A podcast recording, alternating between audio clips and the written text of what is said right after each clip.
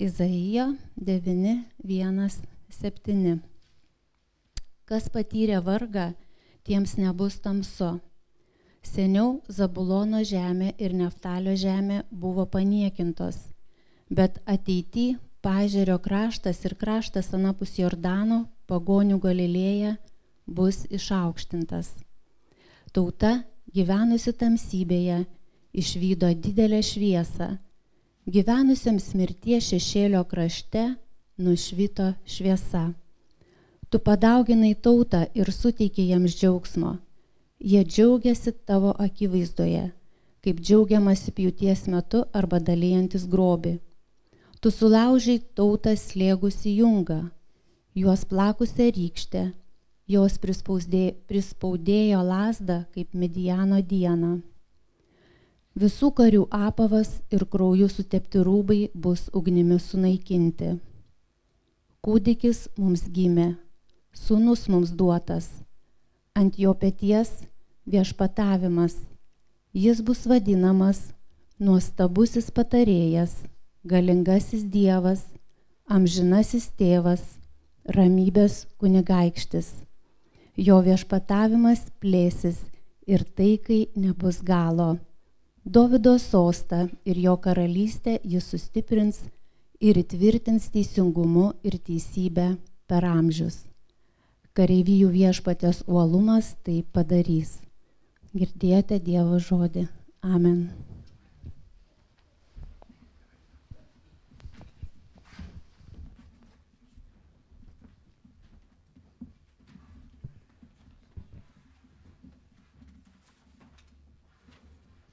Taigi, brangieji, būkite pasveikinti visi su Kristaus užgimimu, su šventomis kalėdomis. Mes švenčiame Kristaus ateimą į šią žemę ir tai yra nuostabiausia, kas galėjo nutikti. Žemė šita neregėjo nuostabesnio dalyko.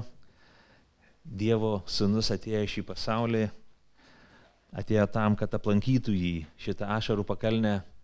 Jis atėjo kaip žmogaus sunus, kaip žmogus, tam, kad įsikūnytų, turėtų tokį pat kūną kaip tavo ir mano, kad gyvendamas teisų gyvenimą, teisiai gyvendamas, tinkamai Dievui primtiną gyvenimą, jisai a, galiausiai atiduotų savo gyvybę už visų mūsų nuodėmės ir kad jisai taptų išganimu kiekvienam, kuris tik patikės.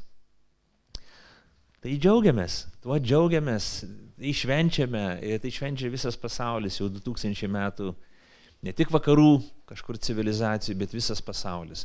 Netgi atvirkščiai galėtumėm sakyti, kad rytų civilizacija dar labiau pradeda švęsti negu vakarų, nes visose kontinentuose, visose kultūrose Kristaus vardas yra skelbiamas ir ten, kur jo vardas nebuvo žinomas, labiausiai auga šiuo metu. Azijai, Afrikoje, Latino Amerikoje ir taip toliau. Taigi, bet pažiūrėkime į tekstą, kurį skaitėme pranašo Izaijo mintys. Pranašas Izaijas gyveno prieš beveik 700 metų iki Kristui gimstant. Ir jisai gyveno Jeruzalėje. Ir laikas, kuriuo jis gyveno, buvo toks ypatingas. Pats pranašas buvo labai išsilavinęs žmogus, kilmingas žmogus, iš karališkos giminės, jo originalo kalba yra nepaprastai sodri. Kai skaitome netgi tą mūsų lietuvišką vertimą, mes suprantame, kad skaitome neįtikėtiną poeziją, labai gražią literatūrą, gilę mintį ir labai viltingą tekstą. Ir Kristus gimė prieš 700 metų, e, pranašas Izaijas e, rašo prieš 700 metų ir tai prieš Kristui gimstant. Ir tuomet vyksta tokie istoriniai įvykiai, tokie istoriniai dalykai, kad Izraelio karalystė, Izraelio tauta ateina iš, iš, iš Egipto žemės į pažado žemę, ją užima, ir, bet jinai po Davido valdymo, po jo sunaus Saliamono valdymo būna suplėšyta į dvi dalis, padalinta į dvi dalis, į šiaurinę dalį, vadinamą Izraelį, ir Judo karalystę, vadinamą pietinę dalį. Ir, ir, ir gyvena tokias dvi skirtingas, du skirtingus gyvenimus. Jie tolsta nuo Dievo žodžio. Pa, e, rudenį mes skaitėme teisėjų knygą ir matėme, kaip Dievo tauta tolo nuo, nuo Dievo žodžio. Tarytum jie turi įstatymą, tarytum turi Dievo pažinimą, jie tarytum priklauso Dievui, bet tuo pat metu pasiduoda aplinkinėms kultūroms, pasiduoda aplinkinių tautų tikėjimams, religijoms ir kitiems dalykams, išpažinimams ir jie nutolsta, jie sumaišo tikėjimą į Dievą su prietarais, su visokiais savo įsivaizdavimais, savo išgyvenimais, patirtimis, okultinėmis praktikomis ir taip toliau. Dar pietinė karalystė šiek tiek laikosi, karts nuo karto ten gimsta geras karalius ir valdo ir jis tarsi pakelia tautą, bet šiaurinė karalystė visiškai jinai smengo dobėn ir po kelių šimtų metų ją okupuoja gimusi milžiniška imperija Asirija. Jis ateina ir nušluoja nuo žemės paviršiaus, tiesiog ją nušluoja. Ir mes skaitome apie tą, sako, seniau Zabulono Neftalio žemė, Anapus Jordano pagonių Galilėja. Jis įrašo apie tą žemę, jinai okupuota. Galingi imperijos kuriejai, jie mąstė taip, jeigu mes paliksim vietinius žmonės, jie vieną dieną sukils prieš mus. Dėl to, ką reikia daryti, okupuoji žemę, žiauriai ją, paėmė valdžia, valdžia ir jos gyventojus ištrėmi į kitą imperijos dalį. O čia atsinti kitus žmonės, kurie čia negyveno niekada. Jie taip tarė, taip padarė ir tuomet e, Izraelitus išvežė gilin į imperiją, o iš imperijos atvežė E, svetimtaučius, kitus žmonės, kuriems ta žemė buvo nauja ir taip toliau. Jie ateina, susimaišo, įneša savo religinius supratimus, savo kultūrą, savo supratimus, aišku, savo tikėjimus, savo įsitikinimus. Ir jeigu Izraelis temo, temo, temo, tai staiga po tos okupacijos visiškai užtemo. Tapo visiška tamsa, jie visiškai Dievo nepažinė, gyvena kaip pagonys. Nieko negeriau negu pagonys. Jau mes ir taip matome, kad Dievo tauta dėja, bet nesilaikydama Dievo žodžio, nutoldama nuo Dievo žodžio, jinai, jinai pradeda elgtis kaip pagoniška, bet šiuo atveju šiaurinė karalystė tampa, tampa uh, visiškai tamsoje skendėjanti. Ir Izaijas gyvena toj grėsmiai, tame laikotarpyje, kai Asirija nori užimti ir pietinę šalį, ji nori verštis, ji nori eiti, užimti šalį, nori verštis iki Egipto, nori eiti tolyn ir viską okupuoti. Bet tuo metu dar jie gyveno nepriklausomą laikotarpį, gyveno tokie egzistenciniai baimiai, neaišku, ar mes išgyvensim. Dieve padėk mums, Dieve saugok mus. Jeigu mes grešimės į tave, tu mums padėsi, jeigu ne, mes neturim vilties. Ir mes kaip lietuvių tauta žinom daugmaž tą jausmą, kas yra ta egzistencinė baimė, mes žinom, kas yra okupacija. Jeigu mes jaunoji kartą nelabai tai žinom, mūsų tėvai ir seneliai žino, kas tai yra. Mūsų tauta patyrė okupaciją ir, ir žino, kas, ką reiškia karai, ką reiškia viena okupacija, antra okupacija, vėl ta pati okupacija, ką reiškia 50 ar 150 metų okupacijos. Ir tada štai Ziekės užrašo tokį nuostabų tekstą. Tokioj nevilty, tokioj desperacijai. Ir jeigu mes skaitytumėm visą pranašystę, pirmieji 40 arba 39 Izaijo pranašystės skyriai kalba tok, tokį rūstų tekstą, rūščią tikrovę. Ir mažai vilties, mažai vilties. Tik tokie trumpi intarpai kaip šis kalba apie kažkokią tai viltį. Apie ką Izaijas kalba? Jis kalba gražius dalykus, kad tauta, kuri patyrė vargą, kad tautai, kuri patyrė vargą, nebus tamsu, kad jie gali džiaugtis. Kaip tu gali džiaugtis tokioj tokioj, tokioj uh, egzistenciniai baimiai ir, ir, ir, ir, ir atrodo nevilty. Jisai kalba apie tai, kad gims kažkoks karalius, kad gims karalius ir tas karalius atneš pokytį, esminį, lemiamą, negryžtamą pokytį į taut, Dievo tautos gyvenimą. Kai kurie sako, kad tai galbūt kalbama apie e, karalių Ezekiją. Kaip žinia, pietiniai karalystiai buvo skirtingi karaliai ir vadovavo dinastijos ir taip, taip gaudavosi, kad kaip amerikietiškais kalneliais. Vienas buvo geras karalius arba toks pusiau neblogas, o kitas blogas ir dar blogesnis. Jo vaikaitis baisus ir tada taip atgimsta vienas geras, trys blogi, trys blogi, vienas toks pusiau blogas ir taip, taip, taip vingiuoja ir jis taiga sulaukia Ezekio ir kai kas sako, galbūt čia kalbama apie Ezekiją, bet mes krikščionys, mes, kurie skaitom šį tekstą, mes nedrįstam galvot, kad žydų tautybės žmogus galėtų rašyti apie žmogų tokius netikėtinai prakilnius dalykus, kad galėtų pasakyti, kad jis yra nuostabus patarėjas, galingas Dievas, amžinasis tėvas, ramybės kunigaikštis. Kad žmogus, paprastas žmogus galėtų tai įkūnyti. Mes įsitikinę, kad tai kalbama apie mesianistinę figūrą, mesenistinį karalių, kuris ateityje ateis. Ir kaip krikščionis mes sakom, taip, taip, taip, tai kalba apie Jėzų Kristų, kuris ateis į šį pasaulį, kuris atneš kitą karalystę, ne šio pasaulio karalystę, kuris atneš amžiną taiką, kuris savimi sutaikys Dievą su žmogumi. Ir, ir kurio karalystė nebus galo. Bet pasižiūrėkime apie tai išsameu. Čia buvo įžanga. Taigi, džiaugsmas. Trečioji lūtė sako. Tu padauginai tautą ir suteikiai jiems džiaugsmo. Jie džiaugiasi. Tavo akivaizdoje kaip džiaugiamasi pjūties metu arba dalyjantis grobį. Tai žiūrėkim. Vėlgi, ta mesenistinė mintis, mesenistinė mintis, idėja, kad ateis mesijas, ateis išvaduotas, ateis tas, kuris padarys gerą mums vieną dieną, kuris išvaduos iš to, kame mes visi vergaujame, atneša didžiulį džiaugsmą. Ir kaip atlyginimo diena. Tu dirbi, dirbi, dirbi, dirbi, dirbi, dirbi ir galvoji, jau ties vidurių mėnesio galvoji, čia jokios prasmės nėra, jokio atlyginimo negausi ir štai tu gauni atlyginimą. Kaip ten kažkas yra gerai pasakęs, tu kopi, kopi, kopi į kalną, kopi, kopi, kopi, uždirbi pinigą ir paskui taip staiga nusileidži kaip nuo kalniuko. Bet vis tiek tas džiaugsmas būna, bent trumpą laiką, kol gauni atlyginimą, kai gauni pelną.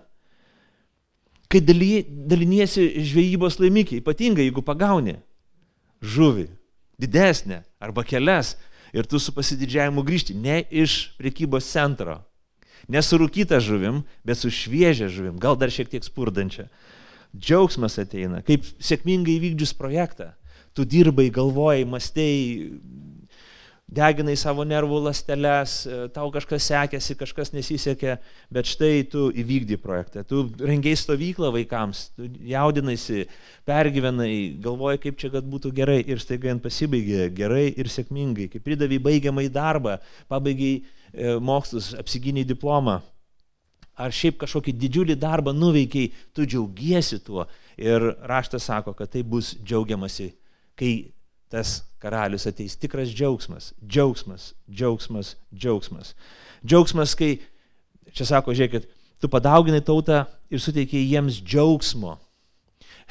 mes, mes kaip tauta, kaip lietuvių tauta, mes nežinom, kiek mes turim žmonių. Mes žinom, kad Lietuvos gyventojų vis mažėja nuolat. Ir mes kaip panevežys esam čempionai.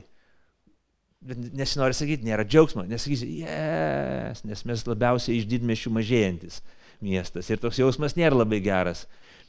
Fenomenas yra tai, kad žmonių mažėja, bet kamščiai prie šviesoforų ilgėja. Tai čia irgi nesuprasi tokio stebuklo. Gal kažkas meluoja, gal kažkur statistika netiksli, gal tikėkime taip. Bet tarkim, kai šeima gimsta žmonės, kai, gimsta, kai šeima gimsta vaikai, aš Facebook'e stebiu, kaip mano studentės, dažnai aš turiu daug studenčių, merginų ir moterų, kaip jos išteka jos pagimdo vaikus, jos augina juos ir per šventės matau dabar kelia nuotraukas ir taip toliau. Koks didelis džiaugsmas yra, kai matau, kad jos kažkokiais pupuliais, tokiais rubuiliais fotografuojasi, deda nuotraukas, gimsta vaikai. Tai yra didelis džiaugsmas, kai jų daugėja, kai kažkas į šeimą ateina, kai išteka veda, kai gausėja, o ne mažėja. Lygiai taip pat ši žinia apie gimsiantį mesiją yra džiaugsmo Džiaugsmo žinia, tokia pat džiaugsmo žinia, kai mes spontaniškai, neplanuoti, džiaugiamės, išgirdę, pamatę, supratę, suvokę, atradę. Sakom, wow, neįtikėtina. Bet kaip galima džiaugtis tokiu metu? Žiūrėkim, uh, Izaijas rašo tokiu metu, kai yra labai sunku, kai, kai įtampa milžiniška, kai tu nežinai, ką kaimynas, didžiulis galingas kaimynas padarys, ką savo galingais uh, kariniais raumenimis jis gali nuveikti, kokiu būdu jis gali elgtis, dar neaišku, kokia mūsų diplomatija, kokia mūsų sąžinė, mūsų tautos sąžinė, kaip mes elgsimės, ar mes neužrūstinsim Dievą savo netinkamu elgesiu ir tu išgyveni nerimą, nerimą dėl savo tautiečių, nerimą dėl savo tautos pasirinkimų ir lygiai taip pat dėl priešo strategijų ir kėslų. Kaip gali jis kalbėti apie džiaugsmą, kaip galima net mąstyti, kaip galima net nuspėti džiaugsmą, rašyti apie jį, kai tu gyveni tokioj baimiai, tokioj įtampoj. Ir be abejo, jisai kalba apie didį perėjimą. Nuo pirmos eilutės iki penktos mes skaitome apie, apie, netikėtiną, apie netikėtiną perėjimą. Žiūrėkim, kas patyrė vargą, tiems nebus tamsu perėjimas iš vargo, tamsos, iš paniekinimo, žiūrėkit, neftalio, seniau Zabulono neftalio žemė buvo paniekintos, bet ateityje pažiūrio kraštas ir kraštas anapus Jordano pagonių Galilėje bus išaukštintas. Reikia iš vargo, iš tamsos, iš paniekinimo į išaukštinimą. Jeigu kažkas iš jūsų, jeigu kažkas iš mūsų esam patyrę anksčiau pažeminimą, ignoravimą, tokį neigimą, atstumimą, niekinimą, Ne taip, kad, kad kažkur paniekino tave, žvilgsniu, prasilenkiant su mašina, brangesnės mašinos turėtojas. Mes net nepajaučiam šito dalyko. Bet jeigu sistemingai nuolat ir nuolat mus laiko paniekintais, atmestais, pažemintais, ignoruojamais, atstumtais, tai mus gniuždo. Tai gniuždo mūsų dvasę, tai gniuždo mūsų asmenybę. Ir tai labai sudėtingi išgyvenimo jausmai. Labai skau, skaudžios patirtys. Tai mes žinom tokį daiktą, kad jeigu žmogus taip susiformuoja, toks atmestas, sugniuždytas, paskui jam būna labai sunku iš principo adekvačiai mąstyti ir elgtis gyvenime. Dažnai yra didelis pavojus, kad kai jis būna išaukštintas, jis tampa dar baisesnis tyronas. Jis tampa dar baisesnis, nes jis, jame atsiranda kerštingumas rafinuotai keršyti tiems, kurie, kurie su juo netinkamai elgesi. Ir tironija gimdo tironiją ir čia reikia didelio stebuklo, kad žmogus, asmuo, tauta, bažnyčia, Dievo tauta, patyrusi pažeminimą, vargą, tamsą, ignoravimą, atmetimą, jin galėtų pakilti, kai tas jungas bus numestas ir tiesiog elgtis oriai. Tai neįtikėtinas stebuklas. Gamtoj taip nebūna. Tai netikėtinas išgydymas. Tai netikėtinas perkeitimas. Tai yra ne tik tai išorinių aplinkybių ir psichologinių kažkokių tais darinių pasikeitimas, bet tai esminis vidinis išgydymas. Bet tai stebuklas.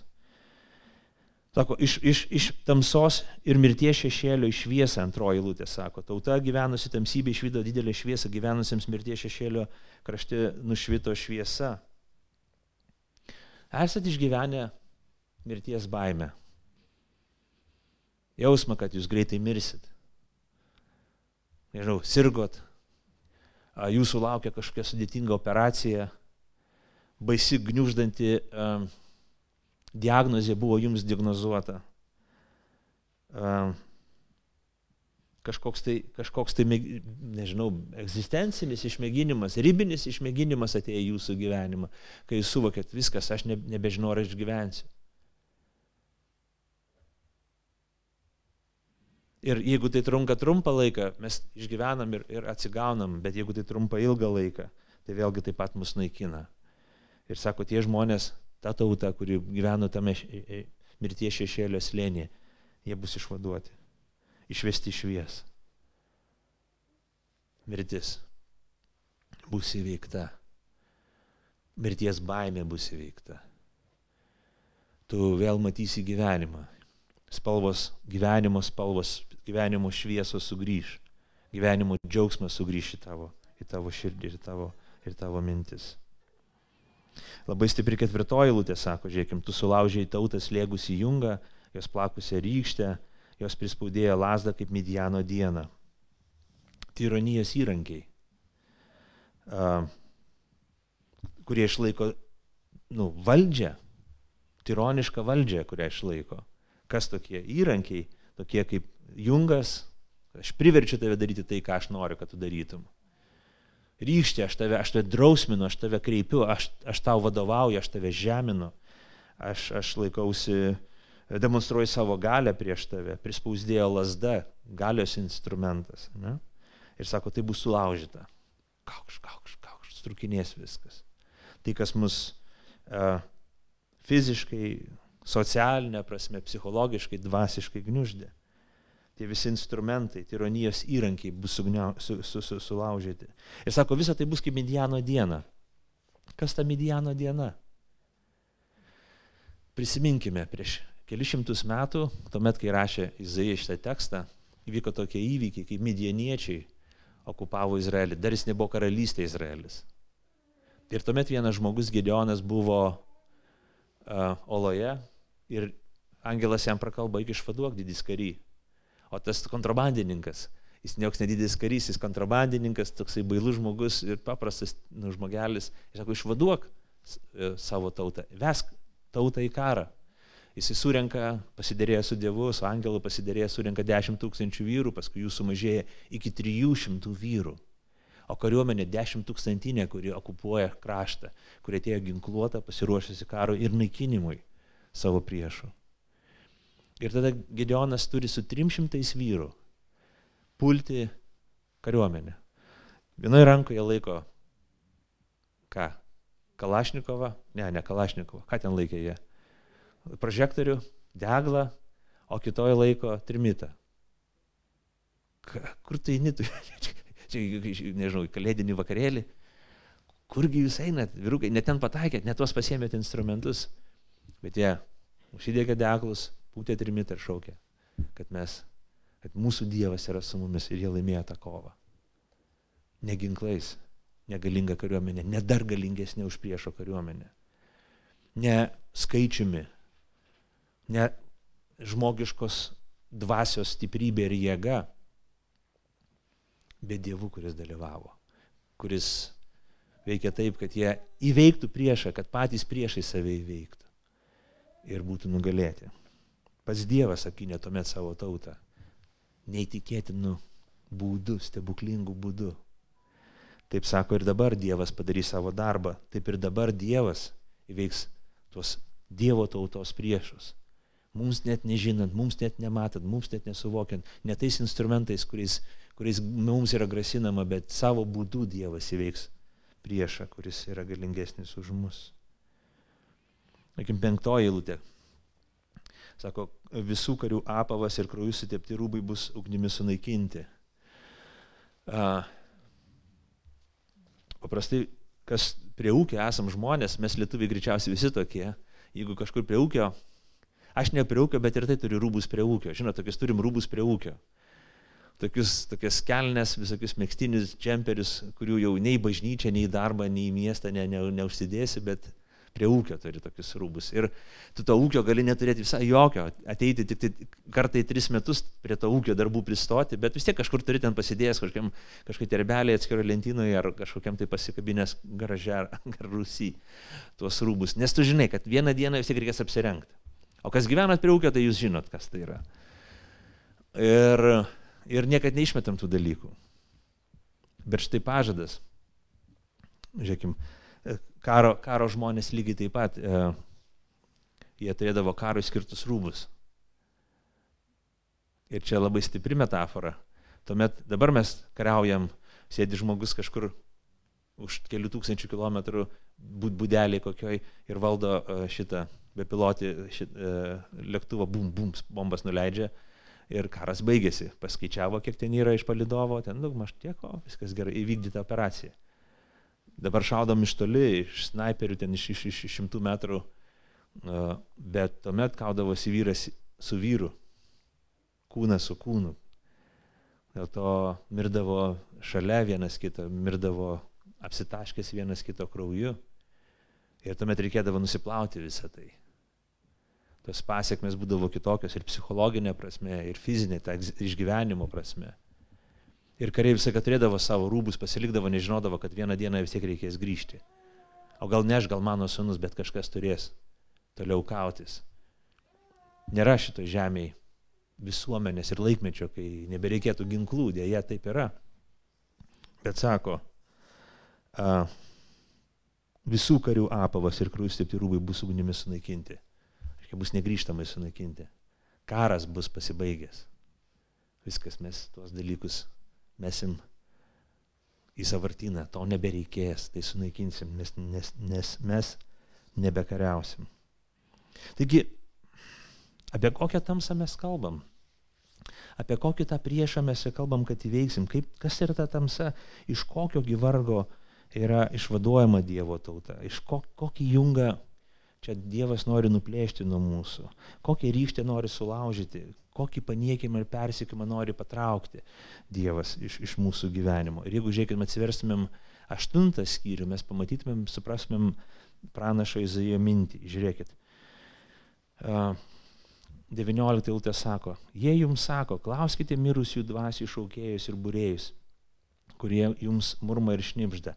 Argi tauta neturėtų klausti savo Dievo, Argi reikia klausti mirusių gyvųjų reikalais? Kreipkitės į įstatymą ir liudijimą. Jeigu jie taip nesako, nėra juose šviesos. Jie klaidžioja suvargę ir išalkę, būdami alkani, jie pyks ir keiks savo karalių ir dievą žiūrėdami aukštyn. Kai jie pažiūrės į žemę, visur bus sielvartas ir tamsa, tamsybė ir priespauda.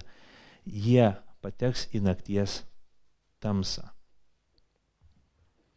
Žiūrėkit, pasirodo, kad čia kalbama ne apie politinį išvadavimą, arba ne vien tik apie politinį išvadavimą, daug daugiau kalba apie tam tikrą tamsą, kurią atneša Dievo nepažinimas. Nusigrėžimas nuo Dievo žodžio, nusigrėžimas nuo e, paties Dievo. Dievo tauta, tie žmonės, kurie ten gyveno, tie, tie žmonės, kurie e, atsikraustė į Šiaurės Izraelį ir gyveno ten, jie gyveno kaip pagonis. Tuo metu jie klausė, jie klausė ir klausė mirusių, ką, kaip, jie, kaip mums reikia gyventi. Jie išaugdavo kažkokiais burtais, burtavimais, išaugdavo mirusių dvasias ir klausdavo, kaip mums reikia elgtis. Ar man reikia sėti, ar man reikia sodinti, ar man reikia vesti, ar man reikia tiekėti, ar mums reikia kariauti, ar sudaryti taiką. Jie klausdavo mirusių dvasių. Ir jos atsakydavo. Kažkas, kažkaip baisus burtininkavimai, primityvios religijos, primityvūs suvokimai. Ir, ir taip žmonės skendo į tamsą. Pranašas sako, kaip, kaip šviesa bus jūsų gyvenimo, jeigu jūs nusigrėžat nuo Dievo. Kaip, kaip šviesa bus jūsų gyvenime, jeigu jūs, jeigu jūs neklausot to, ką sako įstatymas. Jeigu Dievo žodis kalba, kad tai neteisinga, Tai nedarykit, negyvenkit taip neteisingai. Ir mes galim sakyti, nu jo, primityvų žmonės, nu ne veltui prieš 3000 metų beveik jie gyveno ir tokie primityvūs buvo. Mes dabar šiais laikais esam kur kas pažangesni. Mes esam nutolę. Bet aš dvėjoju, ar mes esam nutolę nuo tų žmonių. Ar mes iš tikrųjų tai, kad gyvenam 21 amžiuje, ar mes mažiau vadovaujamės uh, savais prietrais, ir daugiau vadovaujamės Dievo žodžiu, dieviška išmintimi ir, ir Dievo pažinimu. O Dievo žodis mums tikrai liūdė, kad mes esame, jeigu mes atidžiai skaitom Dievo žodį, jeigu mes atidžiai suprantam visuomenę, kultūrą, kurioje mes gyvename, mes matome, kaip tai daro didžiulį poveikį mums patiems. Žiūrėkit, mes esame linkę vadovautis viskuo, tik ne Dievo žodžiu. Mes linkę vadovautis, žiūrėkim, savo kažkam nuostatom, supratimais, tradicijom, kurias paveldėjom, pasaulyje žiūrom, madomis, kas madinga. Tik to, tik to. Kažkokiais naujais trendais, kažkokiais tai, kažkokiais tai dalykais, kurie visiškai neatspindi ir ne, nereflektuoja Dievo žodžio. Mes, mes linkę vadovautis mm, humanistiniam idėjom savo patirtimis, jausmais, kultūros poveikiu. Kaip kultūra, kaip visi, kaip visi, kaip dauguma procentais kokie ten, kaip procentai, jeigu daugiau ne 1 procentas, reiškia tai greičiausiai gerai. Žmonių taip masto. A, savo supratimu, savo protu, mokslu, bet tik ne Dievo žodžiu. Ir iš esmės, galbūt kultūriniai pavydalai mums atrodo pasikeitę, mes galbūt nebešaukinėjom mirusių dvasių taip, bet kartais, kai žiūri kai kuriuos, kai kuriuos mūsų visuomenės veikėjus, toks jausmas, kad jie semėsi išminties arba to pavydalu iš savo kažkokių senų ten protėvių, iš tų pačių 3000 metų senumo tradicijų. Ir tamsa ateina į mūsų gyvenimą. Mes būnam tamsoje. Jeigu mes nusigrėžiam nuo Dievo, jeigu mes Vadinkim taip, jeigu mes neatsigrėžėm į jį, mes gyvenam tamsoj. Mes gyvenam nuodėmės vergyjai. Mus, mus įkausto nuodėmės jungas ir mes negalim iš jo ištrūkti. Mes bandom kažką mąstyti, galvoti, bet mus plaka rykštis. Lasda, priešo lasda, piktojo lasda mus valdo, mus kontroliuoja paniekinimas, pažeminimas. Mes bandom mąstyti, bet šio pasaulio valdovas, kaip sako Dievo žodis, šio pasaulio dvasia, šio pasaulio Dievas, Jis neleidžia mums mąstyti kitaip. Mums Evangelija skamba kaip kvailybė, kaip nesąmonė. Mintis apie Dievą, mintis apie nusižeminimą, mintis apie Kristų, mintis apie įsikūnimą mums tampa kaip paikybė, kaip tuščias dalykas, kaip kažkokia arhaiška, senoviška, pelėsis ir pelenais padvisusi kažkokia tai keista mintis ir idėja, kuri kaip maras mums yra. Kodėl? Dėl to, kad mes nesam nutolę nuo, nuo Dievo. Sako, mes susipriešinam 21 eilutė. Jie klaidžia, e, jie klaidžia suvargę ir išalgę, būdami alkani, jie pyks ir keiks savo karalių ir dievą. Čia apie mūsų laikus rašo. susipriešinimas su valdžia, susipriešinimas su Dievu. Čia kaip apie mūsų laiką kalbama.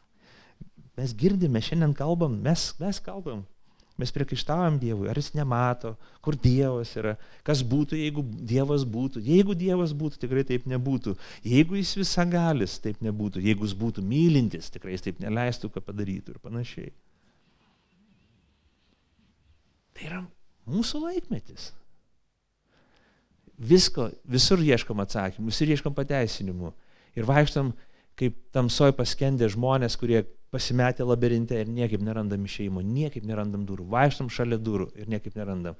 Tas vaizdas atrodo bauginantis, kai, žinot, žiūri kokį filmą ir kai bėga žmogus, bėga, bėga, bėga, atrodo va čia pasuk, bet jis nepasuko kažkur šalia. Ir tu jauti nevilties jausmą. Bet mesgi kalbėjom apie džiaugsmą, šitas tekstas kalba apie džiaugsmą, šitas kal, tekstas kalba apie perimą. Taip, iš tos būsenos viešpats nori išvesti savo tautą, nori išvesti žmonės iš tos nevilties būsenos, iš tos tamsos, iš nuodėmės vergyjos. Viešpats nori išvesti ir jisai siunčia savo karalių, mesiją, kad jisai išvestų savo tautą į kitą gyvenimą, į kitą egzistenciją, į kitą ryšį, į kitą bendrystę, į kitą dimensiją, sakykim taip. Ir čia Izaijas aprašo keturis titulus, kurie, kuriais yra tituluojamas tas žmogus. Jis yra nuostabusis patarėjas, galingasis Dievas, amžinasis tėvas ir ramybės kunigaikštis. Žiūrėkim, čia, čia svarbus momentas, aš, aš trumpai sustosiu prie kiekvieno, bet čia svarbi mintis, žiūrėkim, tikrai čia nekalbama apie, apie apie žmogų. Taip, graikai, romėnai, jie galvoja, kad žmogus gali būti dieviškos kilmės, dieviško įkvėpimo. Netgi modernų žmonės, čia neseniai buvo, aš tokią anegdotą girdėjau apie vieną politikę, moterį, 20 amžiaus žymę vakarų, vakarų visuomeniai. Ir jinai čia klausė, sako, ten užduoda klausimą ir, ir jos paklausė, sako, kas bus, jeigu, nu, jeigu arba kai sutiksite Dievo po mirties. Ir jis atsakė, o kodėl tu sėdi mano vietoj? Jis taip atsakys Dievui. Nes jis įsivaizduoja, kad yra Dievas. Šiandien ta mintis, dar vadinkim mano vaikystė, tokia buvo bauginanti tokia, bet šiandien visi galvoja, aš esu Dievas, aš pats save kuriu, aš pats esu savo, tas taisyklės nusistatau, aš pats savo esu Dievas. Bet žydai, bent jau prieš 3000 metų, žydai, kurie išpažino Biblijos Dievą, Izaijas, jis negalėjo drįsti net pagalvoti, kad žmogus galėtų pavadinti save Dievu. Kad tai paprastas žmogus galėtų turėti tokius titulus. Taigi pasižiūrėkime, nuostabusis patarėjas. Pirmas dalykas, ne, šeštoji eilutė. Tai ne, ne, ne kažkoks šešėlė sėdintis patarėjas, žinot, kaip būna šešėliniai tokie ministrai, kur sėdi ten kažkur pirvutės tampo ir ten, nu, nesimato jų, bet jie viską valdo ir kontroliuoja.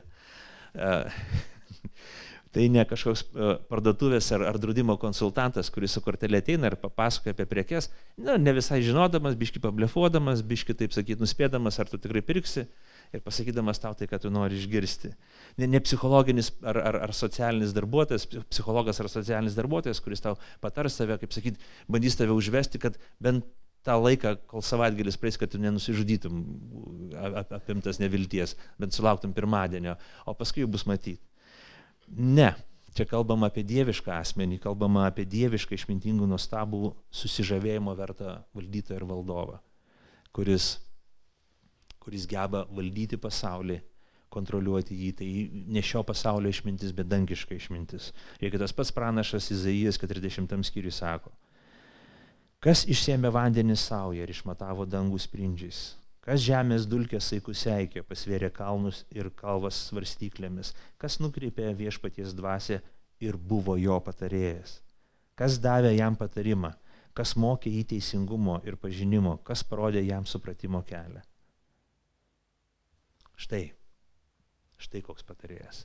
Štai patarėjas, kuris, kuris buvo Dievo patarėjų, kai buvo kuriama žemė, kai buvo formuojami kalnai, kai buvo kuriama kūrinyje. Štai koks patarėjas. Timas Kelleris yra pasakęs tokį, tokį, tokį, tokį pavyzdį, kalbėdamas apie šią rašto vietą. Kai jis buvo dėstytojas, dirbo dėstytoju, neturėjo kabineto, dėl to dirbdavo namuose ir tuo metu jie, jie turėjo dviejų aukštų namą, gyveno, jo kabinetas buvo antram aukšte ir tada žmona išeidavo į darbą, o jisai, jo vaikai pasilikdavo, tai būdavo maži, tokie iki mokyklinio amžiaus ir, ir, ir pradinių klasių amžiaus vaikai. Ir, Ir sako, aš dirbu antram aukšte ir sako, žinai, kiek tu susitelksi darbą, kai yra nu, keli maži vaikai. Ir sako, a, pradeda kažką pyktis. Ir sako, tu pasakai jam, duodi patarimų. Hmm, nuostabus patarėjas. Duodi jam patarimų. Pasidalinkit žaislą. Ir aišku, šešių metų vaikas arba aštuonių metų vaikas sako, ai, tėtis pasakė pasidalinti žaislą, aš pasidalinsiu. Kiekvienas, kas augina vaikų, žino, kad to niekada nebus.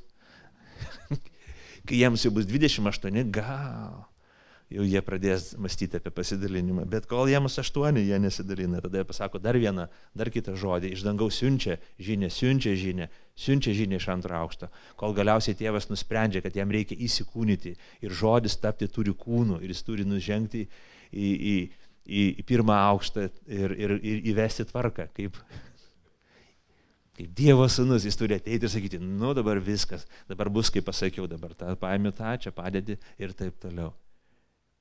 Lygiai taip viešpats. Lygiai taip viešpats. Mes tvarkėmės. Čia žiūrėkit pavyzdžiai iš Seno testamento. Juozapas ne, buvo valdytojas, antras paforono žmogus, dieviškai išminti turinti žmogus. Jisai suvaldė Dievo malonės dėka badą uh, Egipte arba uh, pranašas Danielius Babilone po, po kelių šimtų metų. Jis tą patį dalyką daro. Taip čia ateina dieviškas patarėjas, E, nuostabus patarėjas, kuris dieviška išmintimi ir galybė valdo, įsikiša į šitą pasaulį ir jį tvarko taip, kad jis būtų sudėliotas. E, galingas Dievas. Antras titulas. Ir čia mes matom, kad Izaijas nestabdo. Atrodo, taip jau slidu čia kalbėti apie, apie, apie nuostabų patarėją. Ir dar jisai dar spaudžia gazą.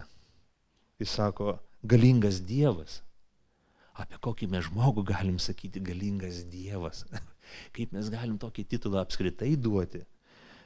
Viskas, dedam tašką, suprantam, kad čia ypatinga asmenybė, ypatingas žmogus, ypatingas, kaip gali, kokiu būdu, kaip Dievas gali valdyti, kaip jis bus tas, kuris valdys šitą pasaulį. Ir, ir čia kalbama apie tai, kad tas galingasis. Ir čia jeigu mes rasim Senajame testamente daugybę kartų ir pats Izaijas, jisai kartoja ta, tas pačias frazes galingas Dievas, jisai kalba ne apie kažkokį Dievą mažąją raidę, bet kalba apie Dievą didžiąją raidę, kad jisai tas, kuris valdo pasaulį, valdo kūrinyje, valdo savo tautą, viešpatauja jai. Ir staiga jisai gimsta, jisai ateina valdyti savo tautos. Trečias titulas - amžinasis tėvas. amžinasis tėvas. Čia galima būtų daug kalbėti apie tėvą. Šiandien dienai mūsų, mūsų visuomeniai mes auga daugybė, auga daugybė vaikų, kurie nepažįsta savo tėvo. Esant didžiuliam skirybų skaičiui, mes turim daugybę vaikų, daugybę jaunų saugusių žmonių, daugybę saugusių žmonių, kurie nežino, ką reiškia tėvas. Ir šiandien, kai vat, aš dabar kalbu amžinasis tėvas, tik daliai iš jūsų galbūt kalba kažką gero, švelnaus ir, ir, ir, ir, ir pozityvaus, bet galbūt dalį iš jūsų mm, jokio garso negirdite. Arba atvirkščiai priešingi jausmai yra. Nes nežinot, nes nepažįstate tėvo. Jūs nežinot, koks jūsų tėvas. Arba jo charakteris buvo toks biurus, jis buvo neištikimas jūsų motinai, jūs paliko ir jisai paliko didelę, didelę, didelę duobę jūsų širdį. Jūs kaip palikti vaikai visą laiką ieško tėvo. Visi galvojat, gal tas žmogus galėtų būti man tėvas, nesąmoningai. To klausimo gal nesakot, bet jums malonu klausyti vyresnio žmogaus. Ir vis turit lūkesti, kad bus kaip tėvas, elgsis kaip tėvas. Kaip tas tėvas turėtų elgtis, kaip man būti tėvui, kai aš jo neturėjau. Ir Dievo žodis kalba, kad Dievas atreiškia save kaip tėvą. Ką tai reiškia? Tai reiškia, kad jis rūpinasi. Reiškia, kad jis rūpinasi. Reiškia, kad jis kaip tėvas rūpinasi. Rūpinasi savo vaikais. Ir kas gimė iš jo, viskas, jie jau turi jaustis saugus, nes tėvas juos priėmė. Jie gimė iš tėvo. Jie yra tėvo priimti. Amžino tėvo. Visų mūsų tėvystė yra ribota laikina. Visų mūsų tėvystė yra psichologiškai, fiziškai, egzistencinė prasme ribota. Mes negalim turėti resursų, resyvų tiek, mes neturim tiek, tiek gyvenimo tiek, kad galėtume vaikų rūpintis visą gyvenimą. Nors tikroji tėvystė taip ir daro, kad iki pat mirties tėvas rūpinasi savo vaikais. Bet mes turim amžiną tėvą, kuris nusprendė, apsisprendė tokiais saitais susaistyti save su žmonėmis. Ne tik tėvas tautai, bet tėvas kiekvienam asmeniui. Ir tai netikėtina žinia, tai netikėtina pagoda. Kai kas sako, gal, tai čia kaip dabar čia suprasti, ar čia apie Jėzų mes kalbam, ar apie Dievą tėvą, apie kurį čia dabar, tai Jėzus tapo, tėvas tapo Jėzumi, ne, ne, ne, mes sakom, kad yra tėvas, sunus ir šventoji dvasia yra trejybė, trys asmenys, ir Jėzus netampa tėvu, arba tėvas netampa Jėzumi. Ne, bet Jėzus įsikūnijęs Dievo sunus, jis yra tėviškas, jis elgesi kaip tėvas. Ir kiekvienam iš mūsų, kas patikėjome Kristų, kiekvienam iš mūsų, kas patikėsime jį, kas norime jį patikėti, jis tampa tėvu. Jis tampa tėvu ir susaisto savo gyvenimą su mumis. Mes galim pažinti jo braižą, galim pažinti jo charakterį, galim pažinti jo rūpestį, jo globą, jo širdį, tai koks jis yra. Ir tai nuostabu yra. Tai nuostabu. Amžinasis tėvas Visi tėvai, kurie mes esam gyvi, kurie stengiamės būti gerais tėvais, mums nesiseka. Arba tik iš dalies sekasi. Mūsų uždavinys ir, ir, ir tikslas yra reprezentuoti, parodyti, nuvesti pas dangišką į tėvą, supažindinti su juo savo vaikus, kad yra dangiškasis tėvas, amžinasis tėvas. Aš einu pas jį, Jis mane vieną dieną pri, priglops, jis mane paims, jisai užmerks mano akis ir aš matysiu jį prisikelime. Bet kai aš išeisiu, jis ištikimai rūpinsis ne tik mani mano sielą, bet ir mano vaikais, kurie lieka šito žemėje. Wow, amžinasis tėvas. Amžinasis tėvas. Nu ir galiausiai ketvirtas titulas yra ramybės kunigaikštis. Ir čia reikia mums atmesti tą mūsų kultūrai suprantamą ramybę. Ramybė, kas yra ramybė. Žiūrėkim, keletą, keletą eilučių iš to paties pranašo Izajos. Tu suteiksi tobulą ramybę tiems, kurie pasitikė tavimi. Tobulą ramybę. Nu, dar vieną. Taip sako viešpas, aš užliesiu ją ramybę kaip upe, tautų lobė plauks į ją kaip neišsenkantis rovė, jūs būsite kaip kūdikiai maitinami ant rankų nešiojami ir supami ant jos kelių. Kai kalbama apie ramybės kunigaikštį, e, tai nu, vartojamas e, hebrajiškas žodis šalom. O šalom nėra tik tai ramybė tokia psichologinė. Ramybė, viskas fainai, viskas gerai, viskas gerai, viskas gerai. ne, ne, ne. Ramybė kalba apie tai, kad tai nuodėmės, kuris sudarkė visą žmogaus egzistenciją dvasinė prasme sugriovė santyki su Dievu, psichologinė prasme sugriovė santyki su pačiu savimi, savęs suvokimą, socialinį santyki, santyki su kitais žmonėmis, fizinį santyki, reiškia, sugriovė mūsų kūną, kad jisai tapo nuodėmingas, marus, lygų apimtas. E, ekonominį mūsų uh, santykis sugriovė, kad mes, mes, tampam, mes, tampam, mes, mes gyvenam prakiktoj žemėje, mes kaupiam pinigus, sukaupiam pinigų ir ateina infliacija, ham, ham, ir viskas suėda. Mes atrodo viską jūs pats sutvarkom ir na krizė ir viskas sugriūna. Ir šalom Ramybė reiškia, kad Dievas nori atpirkti visas šitas gyvenimo sritis. Visas gyvenimo sritis. Ne tik tai vienas rytį. Kristus Mesijas, pažadėtasis karalius atėjo ne tam, kad tik tai mums duotų sielos ramybę, o, o toliau mes visi gyvenam kaip kokiam katile, kaip, kaip sribos puodė kažkur maišomam. Chaosas ir baisus dalykai dedasi į mūsų gyvenimą, bet mes kažkur turim ramybę, dvasinę kažkokią tai. Ne, Dievas nori atstatyti viską. Atstatyti mūsų dvasę, atgimdyti mus, atstatyti mūsų sielą, psichologinę prasme, mūsų santykius su kitais žmonėmis mūsų gyve, visą mūsų gyvenimą visom spalvom. Ir be abejo, mes žinom iš švento rašto, kad tai ne, neatsitinka greitai, čia akimirksniu, tai neatsitiks gal netgi ne šitoj žemėje. Ir taip neatsitiks šitoj žemėje, nes tik kūno prisikėlimu bus išpildytas iki galo šitas projektas. Bet tai atneš ir įgyvendins šalom kunigaikštis, ramybės kunigaikštis. Jis atneš ramybę. Ne kažkokią tai tipo ramybę, įsikaltas savo, kalbėk daug, daug kartų ramybė ir bus ramybė. Ne, ne, ne. Kai ateis ramybė, jinai ir ateis ramybė.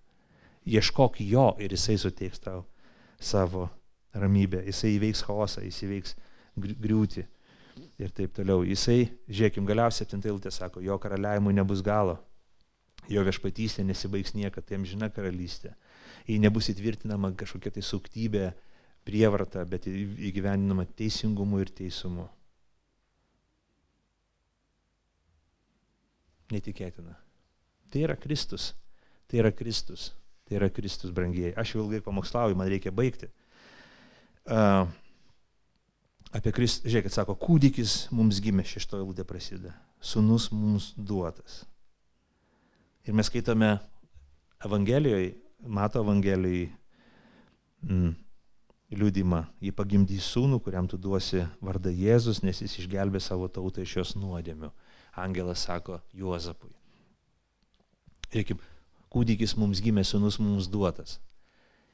Jokio nuopelno, jokių pastangų, jokių titulų. Nėra taip, kad tu pasieksi šventumo trečią lygį, apsiginsi ten ketvirtą daną ir tada tu jau būsi, tada vat, jau galėsi pretenduoti į, į raštą, kad tu beveik jau gali gauti nu, vat, į sunystės teisės ir kad sunus pats tave gali pasibelsti. Ne, ne, ne mums duotas. Tai kalba apie tai, kad tai yra malonės dovana visiems, kiekvienam iš mūsų, kuris tik patikės. Kristus atėjo į šį pasaulį kaip kūdikis ir jis nepasilieka būti kūdikiu. Jis atėjo į šį pasaulį, kad per kryžių išvaduotų savo tautą, kaip Midiano dieną. Kaip Midiano dieną. Ne tais ginklais, kuris įsivaizduoja šis pasaulis. Ne šio pasaulio išmintimi, ne šio pasaulio galybė, bet per kryžiaus kvailumą. Kaip Gedeono vyrai su prožektoriukais ir su, su dudelėm ėjo į karą, kokia beprotystė, bet jie įveikė priešą. Taip Kristus atėjo išvaduoti žmonių kaip? Nuolankiai primdamas tėvo valią ir leisdamas, kad jį nukryžiuotų. Neįtikėtina ir kiekvienas, kuris tiki, bus išgelbėtas. Taigi, ką mums tai sako? Keletą dalykų, gerai? Pabaigai, visiškai pabaigai. Kaip ten sako, kaip pamokslininkai sako, visiškai pabaigai, supraskim dar kokį 15 minučių, bet aš būsiu geras pamokslininkas ir trumpiau kalbėsiu. Tai ką mums sako Dievo žodis? Pirmas dalykas, kas mums iš to? Mums reikia suvokti tokį daiktą, kad mums reikia primti sūnų. Antroji psalmė sako, bučiuokite sūnų, kad jis nerūstautų ir nežūtumėte kelyje, jo rūstybei staiga užsidegus. Palaiminti visi, kurie pasitikė juo. Susitaikinkime, primkime tą žinę, primkime sūnų. Kristus vieną dieną po to gimimo, praėjus 30 metų, jisai sako, atgilaukite, nes prisertino dangaus karalystė. Atgilaukite ir tikėkite, nes prisertino dangaus karalystė. Brangiai, primkim šitą žinę žinia tau, ką reikia tau daryti, kaip tam piemeniai, kuris išgirdo, tiesiog patikėti ją. O, aš noriu tai patikrinti, aš noriu sužinoti, ar tai tikra. Aš, okei, okay, gerai, tvarkoj. Gal čia prisimesiu, kol esu bažnyčiui, kad, tipo, a, gal čia mane taip įdomu, bet aš vis tiek patikrinsiu tą dalyką ir išsiaiškinsiu, ar iš tikrųjų taip yra. O jeigu tu jau esi užtikrintas, džiaugis tuo, priimta žinia, bučiuok sūnų, sakyk, ačiū tau Dieve, kad atėjai į mano gyvenimą. Ačiū tau viešpatie. Antras dalykas, primti sūnų tai reiškia pagarbinti jį. Atiduok jam garbę. Kaip kad piemenys nuėjo, nusilenkė, papasako, kas buvo, džiaugiasi tuo, kas įvyko. Kaip kad išminčiai, jie keliavo per tūkstančius kilometrų tam, kad ateitų nusilenktų ir pagarbintų tą, kuris gimė. Ne tik marginalams skirta šita žinia, ne tik piemenims, bet ir išminčiams, visų socialinių sluoksnių žmonėms skirta žinia apie Kristų. Ką daryk, pagarbink, nusilenk, sakyk viešpatie Jėzu, šlovinu tave, garbinu tave. Nežinau, ką tai, tie žodžiai reiškia, bet aš tai darau. Tiesiog duodu tau garbę. Tu neįtikėtinas esi. Wow, aš tave atiduodu gyrių ir garbę viešpatie. Primti sūnų. Tai reiškia patirti pasikeitimą. Kiekvienas brangiai klausykim, čia labai svarbus dalykas. Kiekvienas, kuris išgirdo šitą gerą žinę, kiekvienas, kurio ausis išgirdo žinę apie tai, kad sunus mums duotas, kūdikis mums gimė ir patikėjo tą žinę, jų gyvenimai buvo transformuoti. Galbūt ne visų iš karto akimirksnių, kažkieno galbūt ilgainiui, bet visų gyvenimai, kas patikėjo šitą žinią, kas ją priėmė, jų gyvenimai buvo transformuoti. Nežinau, mes kalbam, kalbėkime apie Simoną, kuris buvo pavadintas Petru, Kalbėkime apie Mariją Magdalietę, kuria buvo atleistas nuodėmės ir buvo išvaryti demonai. Kalbėkime apie muitininką Zachiejų, kalbėkime apie Simoną, e, apie, apie, apie, e, apie fariziejų Saulių, kuris tapo Pauliumi. Daugybė, daugybė, daugybė žmonių, visi žmonės, kurie sutikdavo Kristų, jau gyvenimai būdavo perkeisti. Džiaugiamės. Dar vienas dalykas. Džiaugiamės. Džiaugiamės tuo, kad jisai gimė. Ir galiausiai ką daryti, jeigu tai nejaučiu pokyčio savo gyvenime. Jeigu sakai, okei, okay, aš bandau tai suprast, bandau gilintis, skaitau tą Evangeliją, kurią tu čia atsiprašant liepi skaityti, bet niekaip nėra, nei džiaugsmo, nei kažko, nei kažkokių pokyčių matau savo gyvenime, arba matau tie pokyčiai vyksta taip lietai, kad aš galvoju, kad vyksta antipokyčiai mano gyvenime. Ką man tada daryti?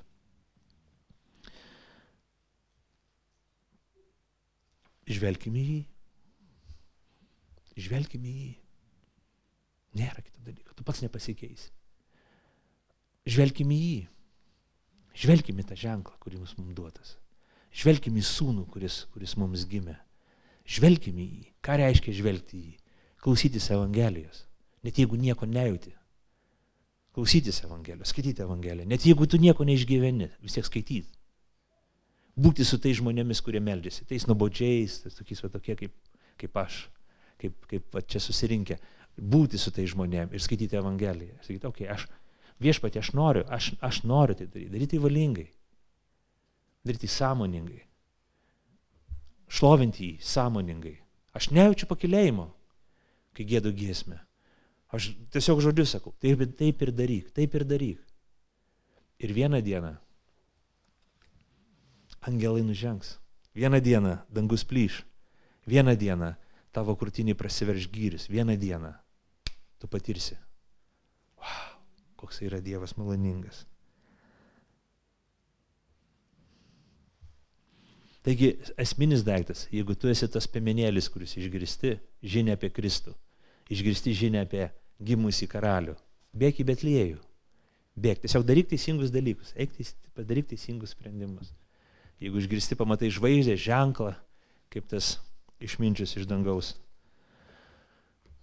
Sėsk ant kupranugario ir eik ten, kur žvaigždė veda. Eik tenai ir būk su tuo, kuris gimė.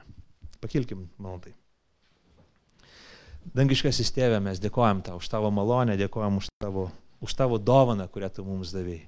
Dėkojam už tai viešpatie, už tai, ką liūdė tavo Evangelija, už tai, ką mes skaitome tavo, tavo šventajame rašte. Kad sunus mums duotas ir kad jisai yra nuostabus patarėjas, kad jisai išmintingas pasaulio valdovas, kad jisai yra galingas Dievas, kad jisai yra amžinasis, niekad mūsų nepaliek, nepaliek, nepaliksantis diev, tėvas ir kad jis yra ramybės kunigaikštis. Viešpatie, mes norim išpažinti tave. Mes norim pasakyti, taip viešpatie Jėzau, mes tikim tave, mes džiaugiamės tuo, kad tu mirė ant kryžiaus už mus. Ir mes norime kad džiaugsmo versmė, gyvenimo versmė, pasikeitimų versmė mūsų širdyse plūstų, kad mūsų gyvenimai atspindėtų tavo Evangeliją, kad mes, kurie patyrėme vargą, nebeliktume tamsoj, kad džiaugsmas būtų mūsų ne tik lūpose ir veiduose, bet mūsų širdyse ir visuose gyvenimuose. Kad nuostabus pasikeitimo pojūtis aplankytų kiekvieną iš mūsų. To prašom per Kristų. Išlovinam tave. Amen.